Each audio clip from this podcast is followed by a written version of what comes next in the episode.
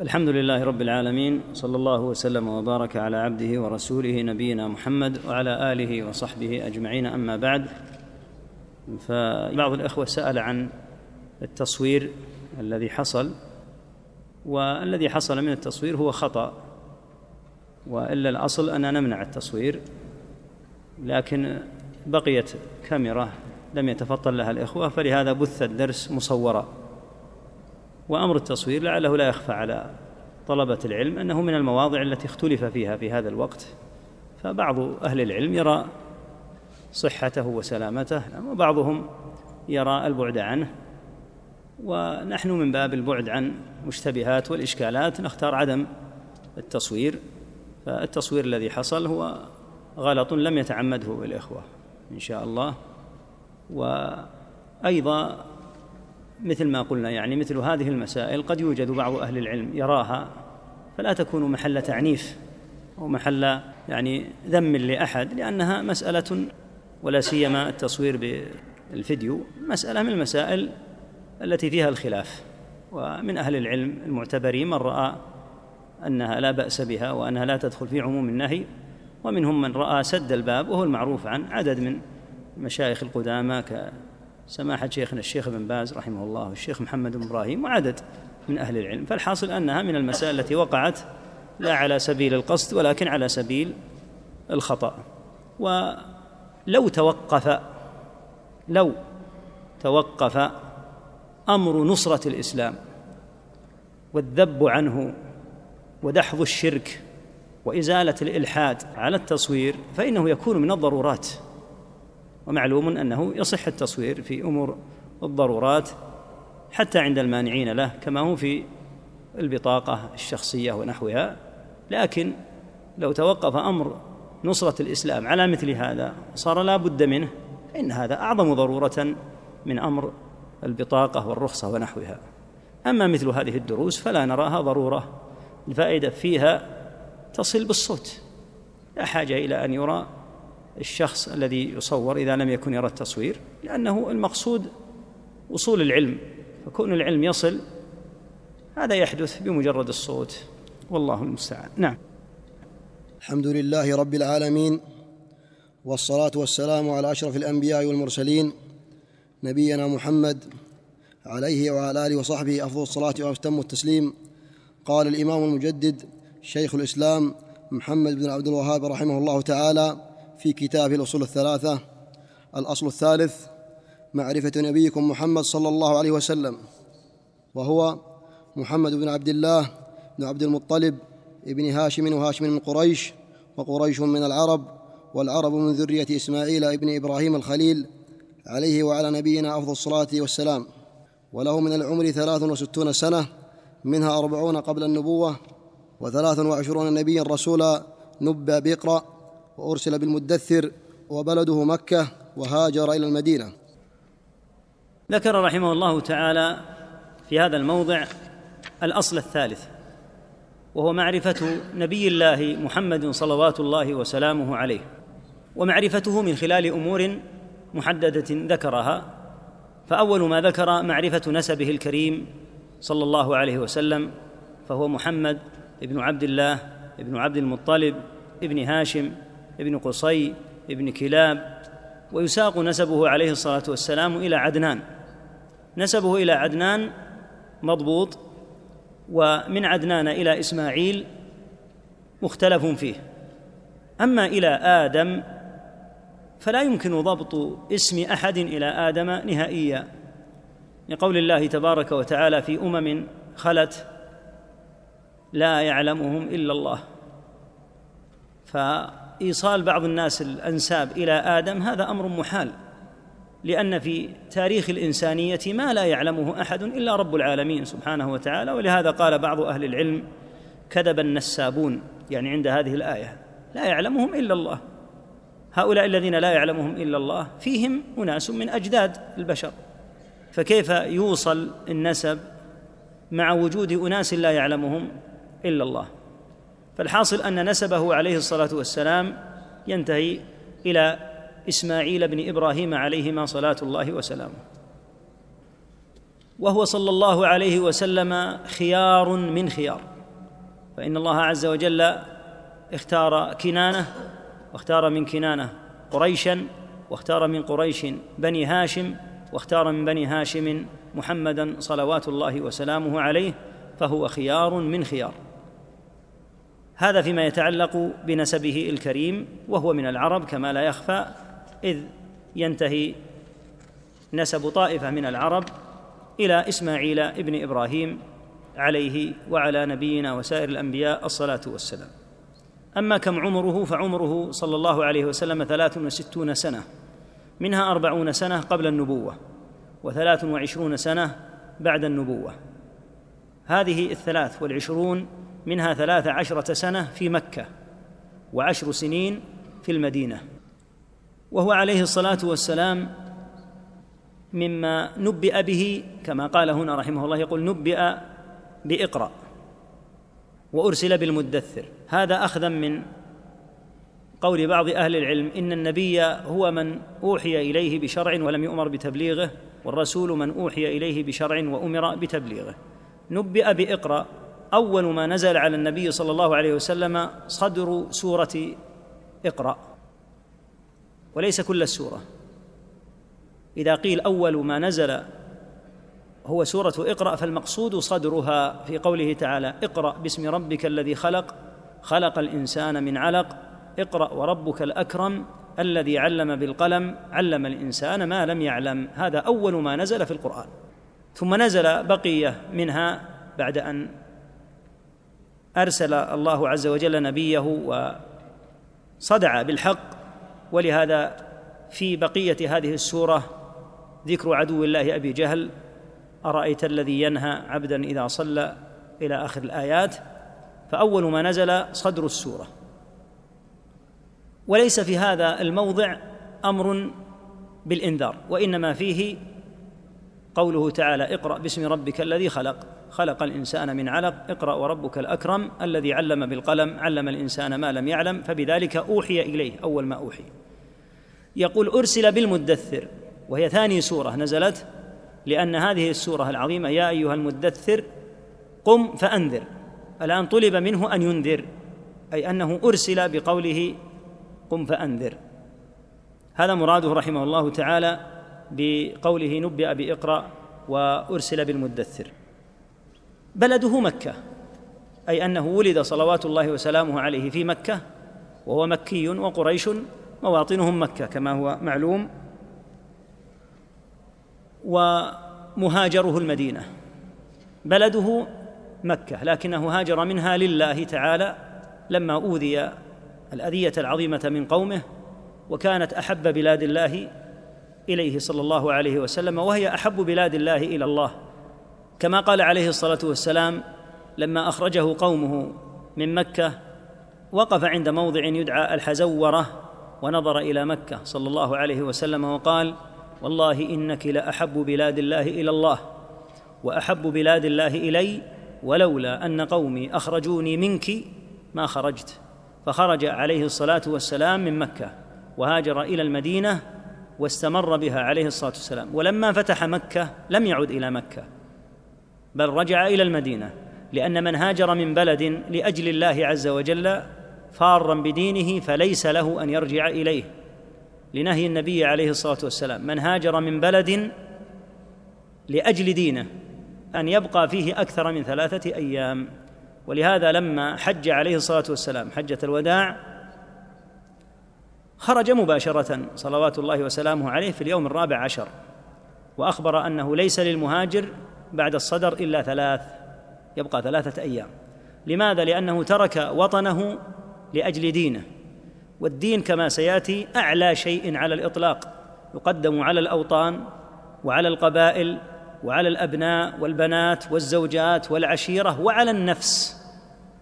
فلما ترك وطنه لله لم يجز أن يعود إليه عودة استقرار. ولهذا لما فتح النبي صلى الله عليه وسلم مكة عام ثمان لم يرجع إليها مع أنها صارت بلد إسلام.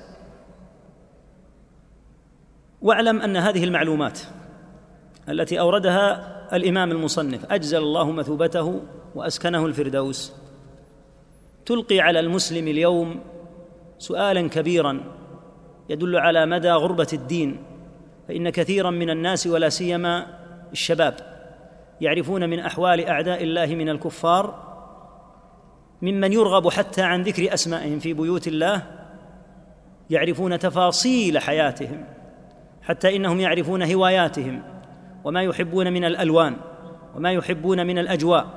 ثم إذا سئلوا عن نبيهم صلوات الله وسلامه عليه وجدوا لا يعرفون المعلومات الأولية للأسف. وهذا من الغربة العظيمة. أن يجهل رسول الله صلى الله عليه وسلم وتجهل أحواله وأحوال أصحابه الكرام رضي الله تعالى عنهم وأرضاهم. ثم تعرف على سبيل التفاصيل أحوال أعداء الله عز وجل الذين هم جثي جهنم كما أخبر النبي صلى الله عليه وسلم. وقال فيهم الله تبارك وتعالى أم تحسب أن أكثرهم يسمعون أو يعقلون؟ انهم إلا كالأنعام بل هم أضل سبيلا. فهذا حكم الله عليهم. فكيف ينفتح عليهم هذا الانفتاح؟ وتعرف عنهم هذه المعلومات التفصيلية ويتأسى بهم هذا التأسي الشديد ثم يجهل أخبار رسول الله صلى الله عليه وسلم. فهذا من الأمور العجيبة العظيمة الدالة على مدى غربة الدين أن تجهل أحوال رسول الله صلى الله عليه وسلم وتعرف أحوال أعداء الله من أهل الخنا والغنى والفجور بتفصيل أيضا بتفاصيل.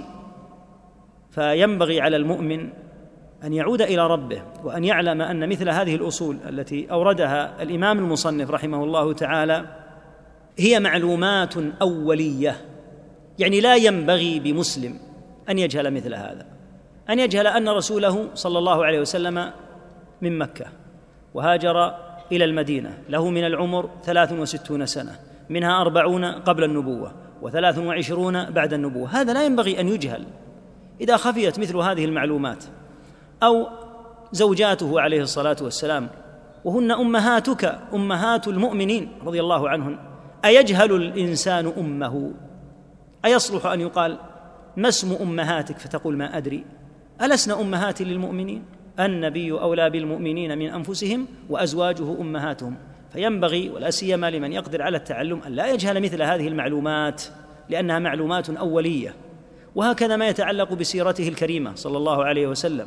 فبعض الناس لا يدري هل بدر قبل أحد لا يدري متى موقعة الخندق متى فتحت مكة.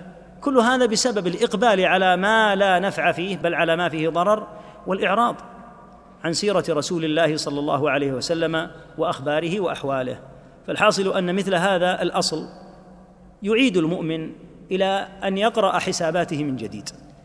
وينظر في تعامله مع رسول الله صلى الله عليه وسلم والمعلومات التي لا ينبغي أن تخفى. فإن مثل هذه المعلومات المذكورة في الكتاب لا ينبغي أن تخفى. أرأيت يا أخي؟ لو أراد أحد أن يسلم على يديك فقال ماذا أقول؟ فقلت قل لا إله إلا الله محمد رسول الله. فقالها ثم التفت وقال ما معنى هذه الكلمة التي قلت؟ أيسوغ أن تقول ما أدري؟ أيصلح أن تقول ما أدري؟ يقول تلقنني كلمة ما تدري ما معناها. فإذا كنت أنت يا من أدخل الإسلام على يديك ما تدري ما معنى الكلمة. وتطلب مني أن أردد كلمة هكذا إذا التفت إليك لم تعرف معناها فمن يعلمني إذن؟ فمثل هذه المعلومات مثل معنى التوحيد ومعنى شهادة أن محمد رسول الله وهذه المعلومات الواردة في الكتاب هي من المعلومات التي لا ينبغي أن تخفى بالمسلمين ولهذا كان هذا الكتاب من أنفع الكتب. لأن المصنف رحمه الله تعالى لخص فيه جملة من مسائل الأصول هذه الثلاث التي لا ينبغي أن يخفى مثلها. وطالب العلم أيضا ينبغي أن يستزيد لا يقتصر على ما في هذا الكتاب لأن هذا الكتاب مفتاح لما بعده. نعم. بعثه الله بالنذارة عن الشرك ويدعو إلى التوحيد.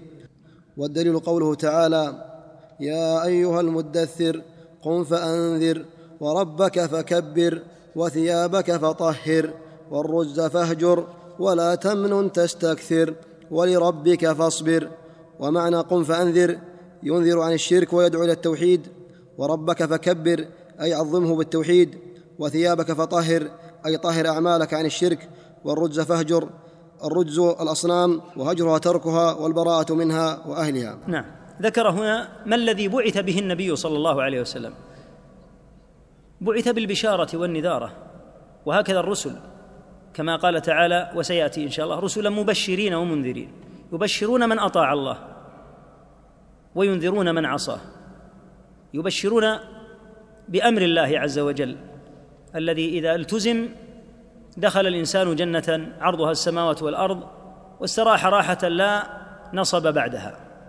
ويحذرون من جرم هو أعظم الجرائم فمن وقع فيه أدخل النار ليس له إذا لم يكن من أهل التوحيد ليس له بعدها فرج ولا مخرج ولا نجاة. بعث بالنذارة عن الشرك لأن أكبر الذنوب الشرك كما سيأتي. يحذر من الشرك. ومكث صلى الله عليه وسلم على هذا الحال. والرسل صلى الله عليه وسلم أعظم ما حذروا منه الشرك. ولك أن تتأمل في قول الله عز وجل عن نوح في قومه فلبث فيهم ألف سنة إلا خمسين عاما بقي صلوات الله وسلامه عليه تسعمائة وخمسين سنة يحذر من الشرك ويأمر بالتوحيد ومع ذلك لم يتبعه إلا قليل كما قال تعالى وما آمن معه إلا قليل فلهذا دمر الله على أهل الأرض كلهم وأنزل الله عز وجل ذلك الطوفان الجارف فأغرق كل ما على الأرض إلا من كان في السفينة لأنهم هم الموحدون ومن سواهم كانوا من أهل الشرك. فالشرك أعظم الذنوب. والدعاة إلى الله يجب أن ينصرفوا أهم ما ينصرفون إليه إلى الدعوة إلى التوحيد وإلى التحذير من الشرك كما سيأتي إن شاء الله الكلام على هذا قريبا. ثم استدل بقوله تعالى يا أيها المدثر. المدثر هو المتدثر لأن النبي عليه الصلاة والسلام لما رأى جبريل اشتد رعبه لأنه رآه على خلقته التي خلق عليها فرجع إلى أهله يقول دثروني صلوات الله وسلامه عليه. يا أيها المدثر هو الرسول صلى الله عليه وسلم. قم فأنذر ينذر من الشرك وينذر عن معصية الله تعالى. وربك فكبر وثيابك فطهر. ذكر أن معنى قوله ربك فكبر أي عظمه وأشاء أعظم ما يعظم الله به بالتوحيد. ربك فكبر ثم قال وثيابك فطهر.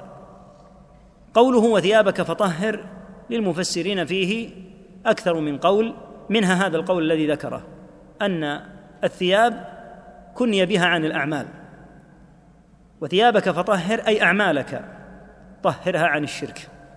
ومن أهل العلم من يقول المقصود الثياب المعروفة أي طهرها حال الصلاة لأن لا يجوز أن يكون الثوب نجسا حال الصلاة. وجمع ابن جرير رحمه الله بين القولين بأنه لا تضاد الآية تشمل المعنيين. تطهير الأعمال من رجس الشرك وتطهير الثياب فلا يمنع أن يحمل اللفظ على المشترك من معانيه. والرجز فاهجر والرجز هي الأصنام وهجرانها كما قال إبراهيم عليه الصلاة والسلام فيما تقدم فيما ذكر رب العالمين عنه إنني براء مما تعبدون إلا الذي فطرني بأن تهجر وتترك ويبرأ إلى الله منها ومن عبادتها ومن أهلها أيضا. نعم. أخذ على هذا عشر سنين يدعو إلى التوحيد وبعد العشر يعود النبي إلى السماء وفرضت عليه الصلوات الخمس وصلى في مكة ثلاث سنين وبعدها في هذا الموضع ذكر كم مكث عليه الصلاة والسلام يدعو إلى التوحيد. مكث في مكة كما تقدم ثلاث عشرة سنة. في السنين العشر الأولى لم تفرض الصلوات الخمس ثم فرضت بعد العشر. فقوله أخذ على هذا عشر سنين ليس معناه أنه مكث في مكة عشر سنين فقط لكن يقول أخذ على هذا يدعو إلى التوحيد ويحذر من الشرك عشر سنين. ثم بعد ذلك عرج به في العام العاشر عرج به إلى السماء. والعروج به معناه الصعود به. وذلك ليلة الإسراء والمعراج كما قال تعالى سبحان الذي أسرى بعبده ليلا من المسجد الحرام إلى المسجد الأقصى. فأسري به إلى المسجد الأقصى ومن المسجد الأقصى عرج أي صعد به إلى السماوات. وكلمه الله تعالى كفاحا مباشره. والصحيح أنه لم ير ربه في تلك الليلة هذا الصحيح. وإنما كلمه الله تعالى ولم ير رب العالمين لأن الله تعالى لا يرى في الدنيا كما تقدم. واعلموا أن أحدا منكم لن يرى ربه حتى يموت. وفرض الله بنفسه الصلوات الخمس عليه. وفرضها تعالى أول ما فرضها خمسين ثم خففها من منته وفضله حتى جعلها خمسا وهي بأجر خمسين. وهذا مراده بقوله وفرضت الصلوات الخمس في مكة ثلاث سنين يعني أنه صلى ثلاث سنين في مكة صلى الله عليه وسلم الصلوات الخمس. هل كان قبل فرض الصلوات الخمس صلاة؟ نعم. كان هناك صلاة. ذكر ابن كثير في قوله تعالى وأقم الصلاة طرفي النهار وزلفا من الليل. ذكر أنه كان مفروض أن أنه كان قد فرض عليهم صلاتان في أول النهار وفي آخره. لكن الصلوات الخمس هذه فرضت ليلة المعراج. ثم إنه عليه الصلاة والسلام أمر بعد ذلك بالهجرة كما سيأتي. نعم. وصلى في مكة ثلاث سنين وبعدها أمر بالهجرة إلى المدينة والهجرة الانتقال من بلد الشرك إلى بلد الإسلام والهجرة فريضة على هذه الأمة من بلد الشرك إلى بلد الإسلام وهي باقية إلى أن تقوم الساعة. والدليل قوله تعالى إن الذين توفاهم الملائكة ظالمي أنفسهم قالوا فيما كنتم؟ قالوا كنا مستضعفين في الأرض. قالوا ألم تكن أرض الله واسعة فتهاجروا فيها؟ فأولئك مأواهم جهنم وساءت مصيرا. إلا المستضعفين من الرجال والنساء والولدان لا يستطيعون حيلة ولا يهتدون سبيلا فأولئك عسى الله أن يعفو عنهم وكان الله عفوا غفورا. وقوله تعالى يا عبادي الذين آمنوا إن أرضي واسعة فإياي فاعبدون قال البغوي رحمه الله تعالى سبب نزول هذه الآية في المسلمين الذين بمكة لم يهاجروا. ناداهم الله باسم الإيمان والدليل على الهجرة من السنة قوله صلى الله عليه وسلم لا تنقطع الهجرة حتى تنقطع التوبة ولا تنقطع التوبة حتى تطلع الشمس من مغربها. نعم. بعد أن اشتد اشتد أذى المشركين للنبي عليه الصلاة والسلام ولأصحابه أذن له بالهجرة إلى المدينة. ومعنى الهجرة الانتقال. أصل الهجرة في اللغة هي المفارقة والترك لكنها في الشرع الانتقال. من بلد الشرك إلى بلد الإسلام. هذا أصل الهجرة شرعا. ومن الغلط البين أن يجعل معنى الهجرة الانتقال من بلاد المسلمين إلى بلاد الشرك. هذا خطأ واضح لأن الهجرة الشرعية هي أن يهاجر الإنسان من بلد الشرك إلى بلد الإسلام. وفي هجرته عليه الصلاة والسلام وترك وطنه مع حب القلوب للأوطان وإلفها لها دلالة على أن الدين مقدم على الوطن وأن الدين مقدم على كل شيء. فإذا منع الإنسان من أداء عباداته في موطن من المواطن فإنه يهاجر ويتركه رغم شدة ذلك على نفسه لأن الدين أعظم. وإن كان يعود غريبا ويأتي في بلد قد يكون فيه فقيرا. كما قال تعالى للفقراء المهاجرين الذين أخرجوا من ديارهم وأموالهم. أخرجوا من الديار ومن الأموال وعادوا فقراء غرباء يبتغون فضلا من ربهم ورضوانا. هذا هو السبب. فإذا ابتلي الإنسان في دينه ومنع من عباداته فإنه يترك هذا البلد تغليبا للدين على البلد. فلما اشتد أذى الكفار لنبي الله صلى الله عليه وسلم ترك البلد وهاجر إلى المدينة. قال والهجرة الانتقال من بلد الشرك. ما هو بلد الشرك؟ ما حده وما تعريفه. بلد الشرك هو البلد التي تظهر فيه أحكام الكفر ولا تقام فيه أحكام الإسلام وشعائره على وجه عام شامل. فبلد الكفر هو الذي تظهر فيه أحكام الكفر وبلد الإسلام هو الذي تظهر فيه أحكام الإسلام وتقام فيه شعائره على وجه عام شامل. قولنا على وجه عام شامل كما نبه ابن عثيمين رحمه الله تعالى. قوله في بلد الكفر أنه ما لا تقام فيه شعائر الإسلام على وجه عام شامل لأن في بلاد الكفر بعض الأقليات المسلمة تقيم مثلا الصلاة والصوم وغيره لكنها ليست على وجه عمومي شامل ولكن على حال محدود فلا يكون البلد بلد إسلام إلا إذا كانت شعائر الإسلام فيه ظاهرة على وجه عام شامل. فإذا ابتلي الإنسان في دينه ومنع من أن يقيمه فليس له أن يبقى بل يفارقه لله عز وجل كما فعل النبي صلى الله عليه وسلم وأصحابه رضي الله تعالى عنهم وأرضاهم. ثم ذكر الآية التي فيها تعنيف الله عز وجل للذين لم يهاجروا بعد أن بين أنها فريضة على هذه الأمة أنها باقية وأنها ليست منتهية بل هي باقية إذا وجد سببها إلى أن تقوم الساعة. ثم أورد قوله تعالى إن الذين توفاهم الملائكة ظالمي أنفسهم قالوا فيما كنتم؟ قالوا كنا مستضعفين في الأرض. يعني بقوا في البلد ومنعوا من أن يقيموا دينهم كما ينبغي وادعوا أنهم مستضعفون. فجاء الرد عليهم قالوا ألم تكن أرض الله واسعة فتهاجروا فيها؟ يعني وتتركوا أرضكم. ثم بين عاقبة أمرهم فقال فأولئك مأواهم جهنم وساءت مصيرا. وهذا من دلائل فظاعه البقاء في بلدان لا يقام فيها الدين تغليبا للأوطان على الدين. ثم استثنى الله المستضعفين إلا المستضعفين من الرجال والنساء والولدان. لا يستطيعون حيلة ما عندهم قدرة ولا يهتدون سبيلا حتى الطريق لا يعرفونه. فأولئك عسى الله أن يعفو عنهم.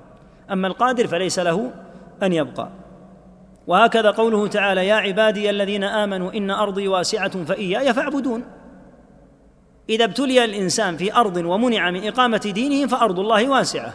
يذهب فيها ثم قال فإياي فاعبدون. يذهب لأرض أخرى فيها يتمكن فيها من إقامة دينه ليعبد ربه تعالى لأن الله تعالى يقول وما خلقت الجن والإنس إلا ليعبدون. فإذا منع من الحكمة في خلق الإنس والجن في موطن فلينتقل لتحقيق هذه الحكمة في موطن آخر ولا يمكث. ويقول أنا أشح ببلدي وبأهلي ليس له ذلك. إذا منع منعا من إقامة دينه فالدين لا يعدله شيء. هنا موطن ينبغي التنبيه له لأن بعض الشراح كأنه استشكل مقولة الإمام الشيخ محمد عبد الوهاب رحمه الله. يقول الشيخ محمد سبب نزول هذه الآية نقل عن البغوي قال سبب نزول هذه الآية في المسلمين الذين بمكة لم يهاجروا. ناداهم الله باسم الإيمان إلى آخره.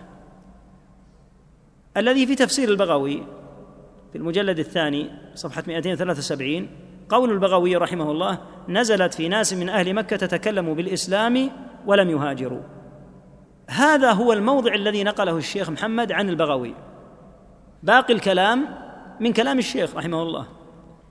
فمراد الشيخ محمد بقوله قال البغوي سبب نزول هذه الآية في المسلمين الذين بمكة لم يهاجروا يقول هذا الموطن الذي نقلناه عن البغوي. بعدها تكلم هو فانتهى ما نقله عن البغوي عند قوله لم يهاجروا ونقله بالمعنى. ثم قال الشيخ محمد بنفسه ناداهم الله باسم الإيمان فهذا هو الذي ينبغي التنبيه عليه لأنه يعني بعض أهل العلم قال إنه بالرجوع إلى تفسير البغوي لم يوجد هذا. لا قوله ناداهم الله باسم الإيمان هذا من كلام الإمام الشيخ محمد عبد الوهاب والإشارة إلى أن الآية نزلت في الذين لم يهاجروا هذا هو المنقول من البغوي. فهؤلاء الذين نزلت فيهم الآية دالة على أنه يجب الانتقال والهجرة من بلاد الشرك إلى بلاد الإسلام. وعلى هذا فالهجرة من بلاد الشرك باقية إلى قيام الساعة ولا تنقطع. والدليل على عدم انقطاعها هذا الحديث لا تنقطع الهجرة حتى تنقطع التوبة. التوبة لها حد. وإذا خرجت الشمس من مغربها وأراد أحد أن يتوب فإنه لا تقبل التوبة منه في هذه الحال. كما قال تعالى يوم يأتي بعض آيات ربك لا ينفع نفسا إيمانها. لم تكن آمنت من قبل أو كسبت في إيمانها خيرا. والمراد بقوله تعالى يوم يأتي بعض آيات ربك طلوع الشمس من مغربها. فمن أراد أن يتوب لا تقبل توبته. فأخبر عليه الصلاة والسلام أن الهجرة مستمرة إلى أن تطلع الشمس من مغربها. كيف ذلك؟ لا تنقطع الهجرة حتى تنقطع التوبة. ومتى تنقطع التوبة؟ ولا تنقطع التوبة حتى تطلع الشمس من مغربها. فإن قلت ما معنى قوله عليه الصلاة والسلام لا هجرة بعد الفتح؟ فالجواب أن المقصود لا هجرة من مكة وليس المقصود لا هجرة مطلقا. لا هجرة من مكة لأن مكة كانت بلد كفر. حتى فتحها المسلمون في عام ثمان فصارت بلد إسلام. فإذا قال أحد سأهاجر من مكة إلى المدينة قيل لا انتهت الهجرة الآن. لأن مكة بلد إسلام والمدينة بلد إسلام. والهجرة ما هي؟ الانتقال من بلد الشرك إلى بلد الإسلام. وليست الانتقال من بلد الإسلام إلى بلد إسلام. فينبغي أن يعرف المراد بهذا الحديث. ثم ان الشيخ محمد بن عثيمين رحمه الله تعالى ذكر أمرا مهما جدا يتعلق بحكم السفر إلى بلاد الكفار وبين أنه على خلاف ما يظن كثير من الناس أنه لا يصلح أن يسافر الإنسان إلى بلاد الكفار إلا إذا تحققت شروط أهمها وأعظمها أن يكون لديه القدرة على دفع الشبهة عن دينه. لأن دفعه الشبهة عن دينه أعظم أهمية من تحصيله فائدة دنيوية ومنها أن يستطيع إقامة شعائر دينه. أما أن يسافر كل من هب ودب من الصغار والكبار والرجال والنساء بأي اسم فلا يجوز. هذا هذا هو الأصل. الأصل أن السفر إلى بلاد الكفار محظور إلا وفق شروط. أن تكون هناك حاجة لا بد منها من مرض لا علاج عند المسلمين له أو تخصص دراسي لا يوجد عند المسلمين أيضا. أما أن يوجد تخصصات عند المسلمين ثم يذهب إلى بلاد الكفار لتدرس فلا معنى لهذا وليس هذا سببا. ثم إنه لا يذهب أي أحد وإنما يذهب القادر على الذب عن دينه. أما صغار الناس وجهلتهم فليس لهم أن يذهبوا. أما الذهاب لمجرد السياحة فلا شك عند أهل العلم أنه ليس سببا مشروعا. مجرد الذهاب لمجرد السياحة فهذا ليس حاجة وليس ضرورة. وفي البلاد التي ليست بلاد شرك ما يغني عن الذهاب إلى بلاد الشرك فالحاصل أن ما ذكره من الانتقال من بلاد الشرك إلى بلاد المسلمين له أهمية وله أحكام وقد أطال الإمام الشيخ محمد بن عثيمين رحمة الله تعالى عليه في ذكر أحكامها بما لا نستطيع تفاصيلها وهي موجودة في شرحه على هذا الكتاب الماتع. فينبغي لطالب العلم ولعموم المسلمين أن يتعرفوا على مثل هذه الأحكام لأن بعض الناس يأخذ الأمور على أنه يجوز الأمر دون النظر إلى شروطه. إذا لم تتحقق الشروط في حكم من الأحكام قيل بجوازه فإنه لا يجوز يقينا لأنه لا يجوز إلا بشروط فإذا لم توجد الشروط فإنه لا يحل. نعم. فلما استقر بالمدينة أمر ببقية شرائع أمر أمر. أحسن الله فلما استقر بالمدينة أمر ببقية شرائع الإسلام مثل الزكاة والصوم والحج والجهاد والأمر بالمعروف والنهي عن المنكر. ما عندك والأذان؟ بعد الجهاد والأذان؟ ليس في نسخة أخرى والأذان. نعم هو ما فرض في المدينة. نعم. أحسن الله عليك. وغير ذلك من شرائع الإسلام أخذ على هذا عشر والأمر سنين. والأمر المعروف موجود عندك؟ نعم طيب. وغير ذلك من شرائع الإسلام. لما استقر عليه الصلاة والسلام بالمدينة بعدما انتقل إليها أمر بتفاصيل الأحكام. قوله مثل الصلاة تقدم أن الصلاة فرضت في مكة. ثم إنه فرضت تفاصيل. كانت في مكة فرضت ركعتين. ثم إنها استقرت ركعتين في السفر فقط. وأقرت صلاة الحضر وفي في الحضر بقيت على ما تعلم من كون الظهر والعصر والعشاء أربع ركعات.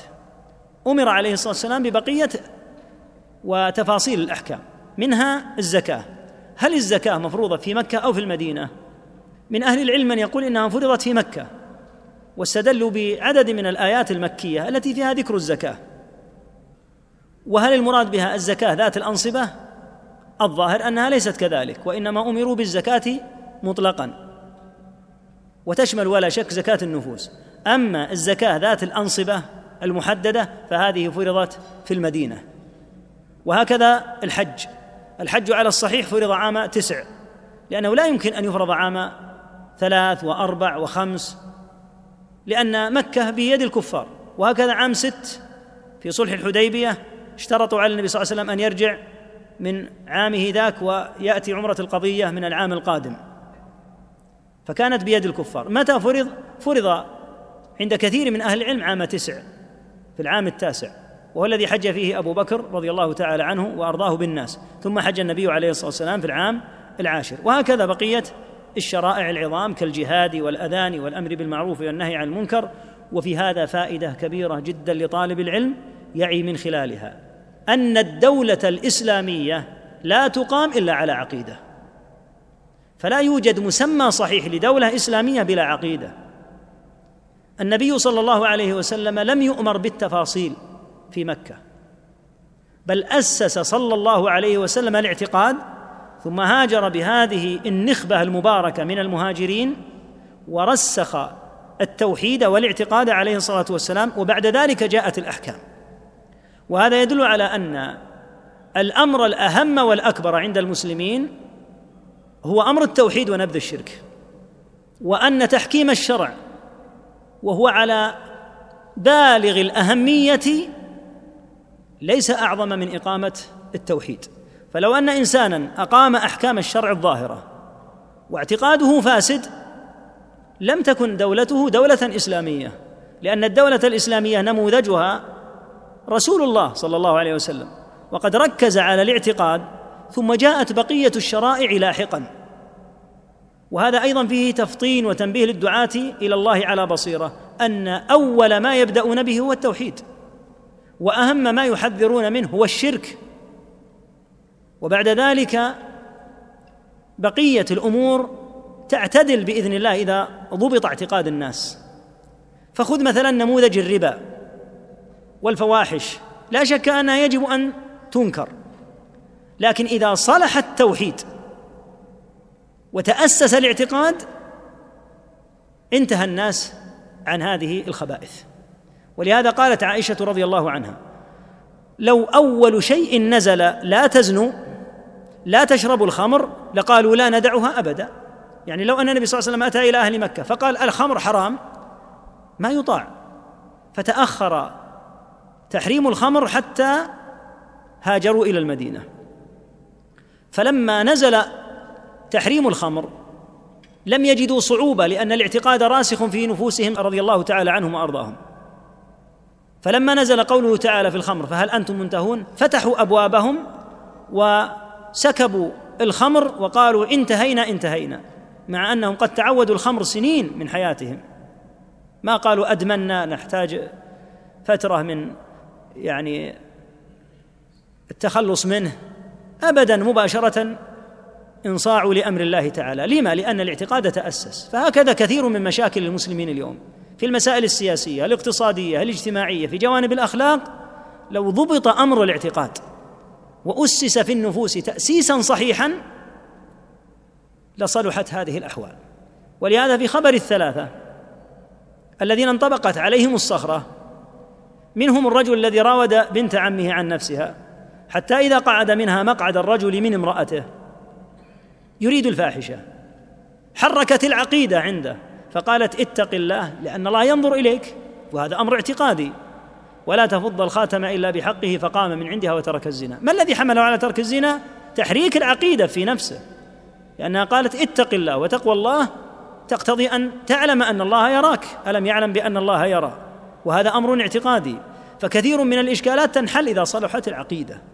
أما إذا كانت العقيدة فاسدة فإنها لا تصلح الأمور وتكون أنواع العلاج مشتتة ولهذا تجد أن أنواع العلاج اليوم مشتتة قليلة الفائدة. إلا إذا أسست على أساس من الاعتقاد كما هو هدي رسول الله صلى الله عليه وسلم. نعم.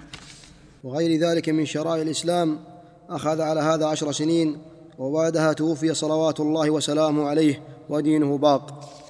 وهذا دينه لا خير إلا دل الأمة عليه ولا شر إلا حذرها منه والخير الذي دل عليه التوحيد وجميع ما يحبه الله ويرضاه والشر الذي حذر منه الشرك وجميع ما يكره الله ويأباه.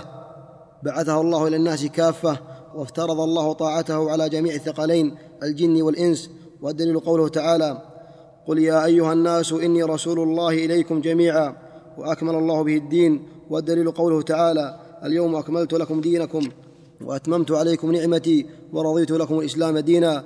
والدليل على موته صلى الله عليه وسلم قوله تعالى إنك ميت وإنهم ميتون ثم إنكم يوم القيامة عند ربكم تختصمون. نعم. في هذا الموطن ذكر أن النبي عليه الصلاة والسلام مكث في المدينة عشر سنين ثم توفي صلوات الله وسلامه عليه. هو توفي لكن دينه باق إلى قيام الساعة. وهو كما تقدم أمانة في عنق هذه الأمة إلى قيام الساعة. هذا دينه عليه الصلاة والسلام. لا يوجد خير إلا دل أمته عليه. كما قال عليه الصلاة والسلام في مسلم إنه لم يكن نبي قبلي إلا كان حقا عليه أن يدل أمته على خير ما يعلمه لهم وينذرهم شر ما يعلمه لهم. واجتهد في هذا أكرم اجتهاد صلى الله عليه وسلم حتى ترك الناس على مثل البيضاء ليلها كنهارها. لا خير إلا دل أمته عليه ولا شر إلا حذر أمته منه. والخير الذي دل أمته عليه رأسه وأعظمه التوحيد. وجميع ما يحبه الله ويرضاه. والشر الذي حذر أمته منه أشره وأشده الشرك. وهكذا جميع ما يكرهه الله ويأباه. وهو مبعوث إلى الجن والإنس جميعا عليه الصلاة والسلام. يجب على كل أحد من المكلفين من الجن والإنس أن يتبعه عليه الصلاة والسلام ولا نجاة لأحد كائنا من كان إلا باتباعه صلوات الله وسلامه عليه بعد أن بعث. والدليل قوله تعالى قل يا أيها الناس إني رسول الله إليكم جميعا. أما من قبله فكانوا يبعثون من الرسل كانوا يبعثون إلى قومهم خاصة. كما قال عليه الصلاة والسلام وكان النبي يبعث إلى قومه خاصة وبعثت إلى الناس عامة. ولهذا قال تعالى وإلى عاد أخاهم هودا؟ قال يا قوم. لقد أرسلنا نوحا إلى قومه؟ قال يا قوم. وإلى ثمود أخاهم صالحا؟ قال يا قوم. فكان يبعث إلى قومه. أما رسول الله فيقول يا أيها الناس جميع الناس. من العرب والعجم وحتى الجن داخلون في دعوته عليه الصلاة والسلام. وقد أكمل الله به الدين فدينه كامل لا يحتاج أي اختراع ولا ابتداع. فكل زيادة على دين الله عز وجل فإنها تكون ابتداعا ولهذا لا يجوز إحداث عبادة من العبادات لا في هيئة معينة ولا بإحداث وقت معين أو اختراع مكان معين أو شروط معينة فإن هذا كله من البدع. فمن أحدث بدعة في موضع مكان قال هذا المكان له مزية ولم يدل عليه الشرع أو في زمن معين كأن يقول مولد النبي عليه الصلاة والسلام يقتضي احتفالا مثلا استدل على هذا اليوم الثاني عشر بما لا دليل عليه وخصه وخص الزمن بما لا دليل عليه وهكذا لو وضع شرائط معينة لعبادة أو وضع أسبابا هكذا اخترعها فكل هذا لا يحل وهو من البدع المنهي عنها المخالفة المجانبة لسنته عليه الصلاة والسلام. ولهذا قال تعالى اليوم أكملت والذي يكمله الله لا يحتاج اختراعات الناس. فإذا أكمل الله شيئا فهو على أتم ما يكون من الحسن والتمام. اليوم أكملت لكم دينكم. ولهذا نبه الرب عز وجل الأمة إلى النعمة. اليوم أكملت لكم دينكم وأتممت عليكم نعمتي ورضيت لكم الإسلام دينا. فلا يحل لأحد أن يخترع عبادة وحسبه أن يؤدي العبادات المشروعة التي بينها الرب تبارك وتعالى. والنبي صلى الله عليه وسلم قد مات. والدليل على موته أن الله تعالى قال إنك ميت وإنهم ميتون ثم إنكم يوم القيامة عند ربكم تختصمون. فلا شك أنه مات وصلى عليه المسلمون وخلفه خلفاؤه الراشدون رضي الله تعالى عنهم وأرضاهم.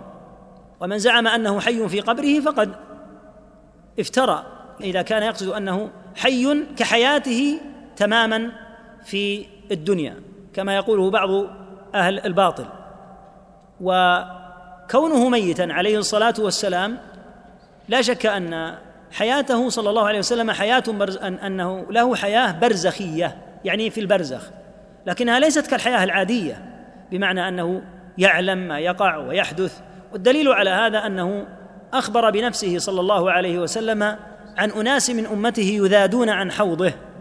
كان رآهم صلى الله عليه وسلم رآهم قد وفدوا إليه. فظن أنهم من الذين آمنوا وصاروا من أصحابه. فيأتي هؤلاء المرتدون من أمثال أصحاب مسيلمة ونحوهم ممن أظهروا الإسلام ثم ارتدوا بعد النبي صلى الله عليه وسلم فيردون عن حوض النبي صلى الله عليه وسلم. فيقول النبي صلى الله عليه وسلم أصحابي أصحابي يعني هؤلاء المرتدين فيقال إنك لا تدري ما أحدثوا بعدك. إنهم لم يزالوا مرتدين على أعقابهم منذ فارقتهم. فأقول سحقا سحقا لمن بدل بعدي. وهذا يدل على أنه لا يعلم ما يقع بلا شك عليه الصلاة والسلام. ولا ينافي هذا أنه إذا صلي عليه صلوات الله وسلامه عليه أبلغ صلاة من صلى عليه. هذا هو القدر المذكور لكن أن يعلم ما يقع ابدا.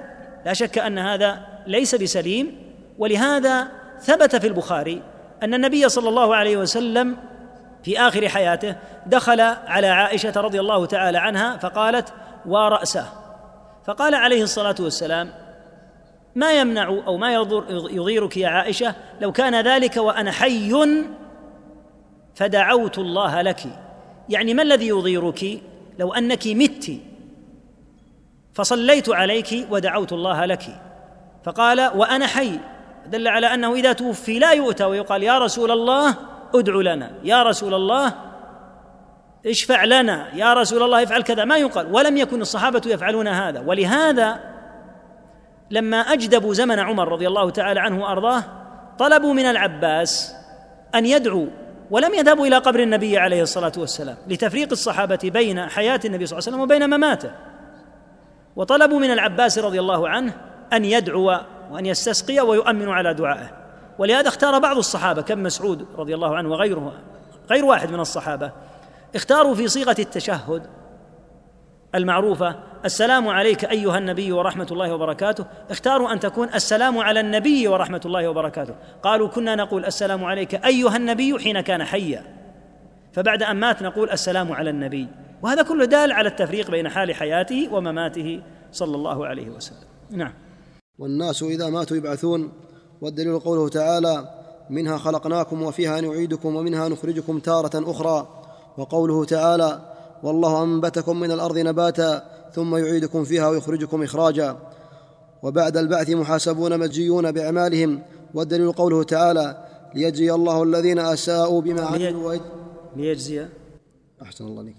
ليجزي الذين أساءوا بما عملوا ويجزي الذين أحسنوا بالحسنى. ومن كذب بالبعث كفر والدليل قوله تعالى زعم الذين كفروا أن لن يبعثوا قل بلى وربي لتبعثن ثم لتنبؤن بما عملتم وذلك على الله يسير.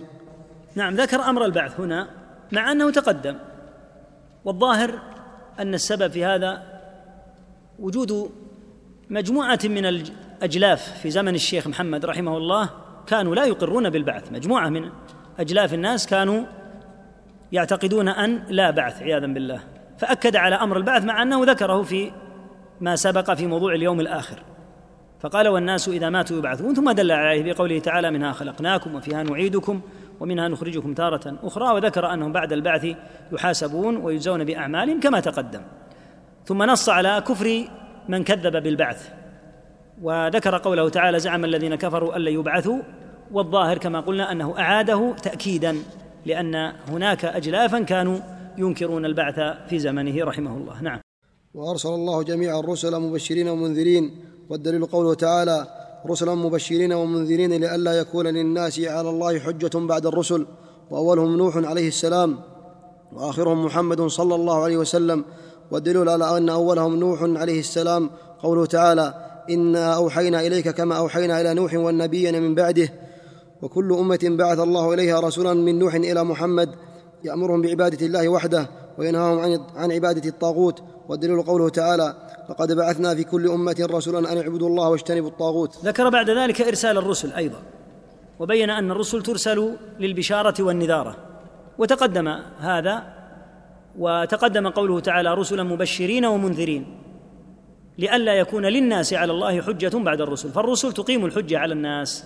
وتنقطع بذلك أي حجة لهم على رب العالمين. أول هؤلاء الرسل نوح صلى الله عليه وعليهم جميعا وسلم وآخرهم محمد صلى الله عليه وسلم لا نبي بعده. قال والدليل على أن أولهم نوح قوله تعالى إنا أوحينا إليك كما أوحينا إلى نوح والنبيين من بعده. وأخذ بعض أهل العلم من هذه الآية أن إدريس ليس جدا لنوح. لأنهم يقولون إن اسم نوح يقول المؤرخون إن اسم نوح إنه نوح ابن لمك ابن متوش لخ ابن أخنوخ ويزعمون أن إدريس أن أخنوخ هذا هو إدريس. والظاهر من هذه الآية أن إدريس ليس قبل نوح والله أعلم. ويدل على هذا أيضا حديث المعراج أن النبي عليه الصلاة والسلام لما أسري لما عرج به إلى رب العالمين لما قيل لآدم هذا محمد قال مرحبا بالنبي الصالح والابن الصالح لأنه ابن آدم. ولما مر بإبراهيم قال مرحبا بالنبي الصالح والابن الصالح لأنه من أبناء إبراهيم. ولما مر بموسى وبإدريس وبغيرهم قالوا مرحبا بالنبي الصالح والأخ الصالح. لأن إدريس لو كان قبل نوح ماذا يكون؟ يكون جدا للنبي صلى الله عليه وسلم. لأن نوحا عليه الصلاة والسلام هو جد للبشرية لأن جميع الذرية من غير نوح انقطعت. قال تعالى في نوح وجعلنا ذريته هم الباقين أما الذين في السفينة معه فانقطع نسلهم وأبناؤه معروفون حام وسام ويافث وإليهم ترجع البشرية. فنوح يسمى آدم الأصغر يعني بالنسبة لآدم لأنه جد البشرية. فالحاصل أن الظاهر من النصوص أن إدريس هذا ليس جدا لنوح. ليس معنى قولنا إن نوحا هو أول الرسل أنه لا يوجد قبله أنبياء لأن قبله آدم وآدم نبي بلا شك. لكن نوحا هو أول رسول بعد وقوع الشرك. فبعد أن وقع الشرك أرسل نوح. أما الفترة التي قبل نوح فما كان هناك شرك كما قال ابن عباس رضي الله عنهما بين آدم ونوح عشرة قرون كلهم على التوحيد فما كان هناك شرك. أول ما بدأ الشرك في قوم نوح ولهذا أرسله الله تعالى إليهم. فالحاصل أن الأمر كما ذكر رحمه الله تعالى والدليل على أن نوحا هو أول الرسل أنهم حين يأتون في القيامة يقولون يا نوح أنت أول الرسل بعثك الله إلى أهل الأرض. فدل على أنه أول رسول بعد وقوع الشرك. ثم إن كل أمة يبعث الله فيها رسولا ولا يبقيها تعالى هملا كما قال تعالى وإن من أمة إلا خلا فيها نذير ولقد بعثنا في كل أمة رسولا. فما هنالك أمة يقال هذه الأمة ما أقام الله عليها الحجة؟ الله تعالى قد قطع معاذير الخلائق. ليس أحد يأتي في القيامة فيقول يا رب أهملتني ما بعثت إلي رسولا. وإن من أمة إلا خلا فيها نذير فالحجج منقطعة. على رب العالمين سبحانه وتعالى. كل هؤلاء الأنبياء يشتركون كما قلنا في الأمر بالتوحيد والنهي عن الشرك الذي هو عبادة الطاغوت. نعم. وافترض الله على جميع العباد الكفر بالطاغوت والإيمان بالله. قال ابن القيم رحمه الله تعالى الطاغوت ما تجاوز به العبد حده من معبود أو متبوع أو مطاع والطواغيت كثيرة رؤوسهم خمسة إبليس لعنه الله ومن عبد وهو راض ومن دعا الناس إلى عبادة نفسه ومن ادعى شيئا من علم الغيب ومن حكم بغير ما أنزل الله والدليل قوله تعالى لا إكراه في الدين قد تبين الرشد من الغي فمن يكفر بالطاغوت ويؤمن بالله فقد استمسك بالعروة الوثقى. وهذا معنى نعم. نعم. وهذا معنى؟ وهذا معنى لا إله إلا الله. افترض الله على جميع العباد أن يكفروا بالطاغوت. والطاغوت هو المعبود من دون الله تعالى إذا كان راضيا. وافترض عليهم أن يؤمنوا به تعالى. كما قال تعالى فمن يكفر بالطاغوت ويؤمن بالله فقد استمسك بالعروة الوثقى كما تقدم شرحها. العروة الوثقى هي لا إله إلا الله. لا يمكن أن تقيمها إلا إذا أتيت بالأمرين. أن تكفر بالمعبودات كلها من دون الله وأن تفرد الله وحده لا شريك له بالعبادة. ثم ذكر معنى الطاغوت فقال إن الطاغوت كما ذكر ابن القيم الطاغوت أصله من الطغيان. الطاغوت مشتق من الطغيان. كما قال تعالى أنا لما طغى الماء حملناكم في الجاريه. فاذا جاوز الماء الحدود المعتادة وانفجر على الناس وأغرقهم قيل طغى الماء. يعني أنه تجاوز الحدود المعروفة المعتادة. نقل عن ابن القيم رحمه الله تعالى أن الطاغوت هو ما تجاوز به العبد حده. لأنه إذا تجاوز الحد معناه أنه طغى. في أمور ثلاثة في معبود أو متبوع أو مطاع. ما تجاوز به العبد حده من معبود يرضى أن يعبد كما سيأتي. فالذي يرضى أن يعبد طاغوت وقد تجاوز به العبد الحد. من معبود أو متبوع الذين يتبعون ممن يحللون الحرام ويحرمون الحلال ممن يحسنون البدع من علماء السوء هؤلاء على هذا الحد. ما تجاوز به العبد حده من معبود أو متبوع لأنهم اتبعوا في الباطل اتبعوا في تحريم الحلال أو إباحة الحرام أو تحسين البدع ورد السنة. كل هذا يكون به هذا المتبوع يكون طاغوتا ولهذا يقول أهل العلم علماء السوء وعلماء الضلال هؤلاء يدخلون في حد الطاغوت. ما تجاوز به العبد حده من معبود أو متبوع أو مطاع. مطاع يعني كالحكام. إذا أطيعوا في الباطل. لأنه يجب السمع والطاعة بلا شك لكن في المعروف. ولا يطاع أحد في معصية الله. لا حاكم ولا يطيع الابن أباه ولا تطيع الزوجة زوجها ولا العبد سيده. ما يطاع أحد نهائيا في معصية الله. فإذا أطيعوا في معصية الله فهذا من الطغيان. ولهذا قال ما تجاوز به العبد حده من معبود أو متبوع أو مطاع يعني كالحكام الذين يطاعون في ما حرم الله تعالى. نعم. ثم قال الطواغيت خمسة. الطواغيت كثير. الطواغيت بهذا التفصيل لا شك أنهم كثير لكن رؤوسهم وكبراءهم خمسة. رأس الطواغيت وأخبث الطواغيت هو إبليس وهو هاديهم جميعا إلى جهنم وبئس المصير. والثاني من عبد من دون الله بشرط أن يكون راضيا. أما من عبد وهو غير راضي فلا شك انه لا يقال عنه طاغوت لأنه ابتلي ابتلاء بهؤلاء الذين عبدوه. لكن من عبد وهو راضي. ولهذا قال الله عز وجل إنكم وما تعبدون من دون الله. يعني العابد والمعبود. إنكم وما تعبدون من دون الله حصب جهنم أنتم لها واردون. لو كان هؤلاء آلهة ما وردوها وهم فيها خالدون لهم فيها زفير وهم فيها لا يسمعون. فقالت كفار قريش فما بال المسيح والملائكة قد عبدوا؟ فأخبر تعالى أنهم لا يدخلون في هذا الحد فقال إن الذين سبقت لهم منا الحسنى يعني كالملائكة الذين عبدوا ولم يرضوا وعيسى صلوات الله وسلامه عليه الذي عبد ولم يرضى. إن الذين سبقت لهم منا الحسنى أولئك عنها مبعدون يعني عن النار لا يسمعون حسيسها وهم فيما اشتهت أنفسهم خالدون. لا ذنب للأنبياء أو للملائكة أو للصالحين إذا عبدهم أهل الشرك. وإنما يكون المعبود طاغوتا إذا عبد وهو راضي. ولهذا وضع هذا الحد رحمه الله تعالى من عبد وهو راضي. ومن دعا الناس إلى عبادة نفسه يعني ولو لم يطيعوه. لو قال إنسان اعبدوني فقال الناس كذبت لا نعبد إلا الله. لكان طاغوتا حتى لو لم يعبد. هذا الفرق الآن بين الثاني والثالث. الثاني عبد وتحققت عبادته وهو راضي.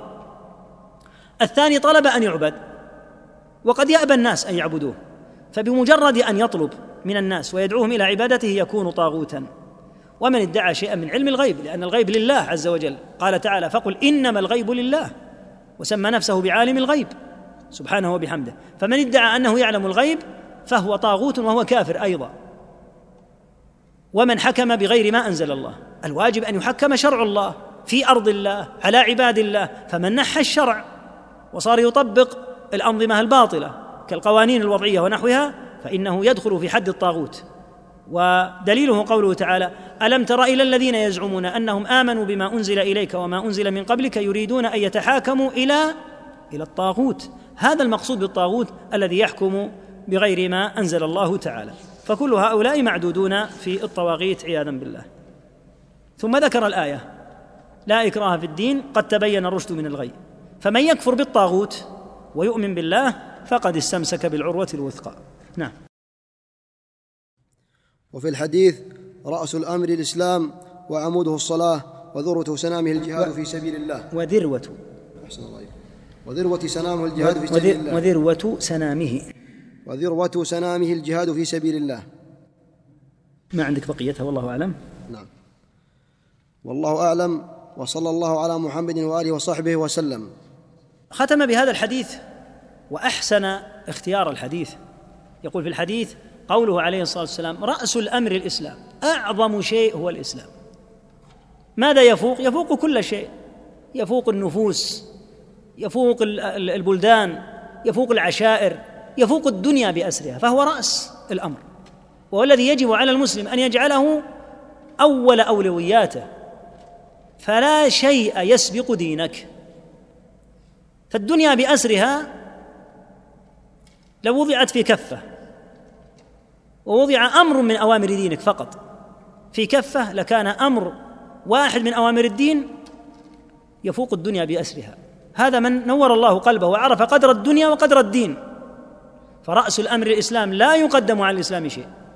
ولهذا تقدم أن الإنسان إذا ابتلي في وطنه أنه يهاجر ويترك وطنه تغليبا لدينه. وهكذا كل أمر يعرض لك من أمر دينك وأمر دنياك فإنك تقدم أمر دينك. إذ رأس الأمر وأساس الأمر هو الإسلام. وهذا الإسلام عموده الصلاة. معلوم أن الخيمة قد تسقط أطنابها أو بعض أطنابها فتبقى الخيمة إذا كانت العمود قائمة. أما إذا سقط العمود فإن الخيمة تسقط. ولو بقيت الأطناب في الأرض. وهذا من أدلة كفر تارك الصلاة. حين جعل النبي صلى الله عليه وسلم الصلاة عمودا للإسلام معناه أن من ترك الصلاة فقد سقط بناؤه. مع قوله عليه الصلاة والسلام بني الإسلام على خمس. فإذا سقط العمود وهو الصلاة لا شك أن هذا على الصحيح دال على كفر تارك الصلاة. ثم قال وذروة سنامه أعلاه. وأرفع شيء فيه وأكمله الجهاد في سبيل الله. وهذا من دلائل شرف الجهاد في سبيل الله وعظم قدره عند الله تعالى ثم ختم بإحالة العلم إلى الله. كما بدأ بالتسمية قال بسم الله الرحمن الرحيم. ختم بإحالة العلم إلى الله فقال والله أعلم. ثم ثنى بالصلاة على رسول الله صلوات الله وسلامه عليه. نسأل الله أن يجزل للمصنف الثواب ويغفر له ويرحمه ويرزقنا جميعا العلم النافع والعمل الصالح. والله أعلم وصلى الله وسلم على نبينا محمد وآله وصحبه.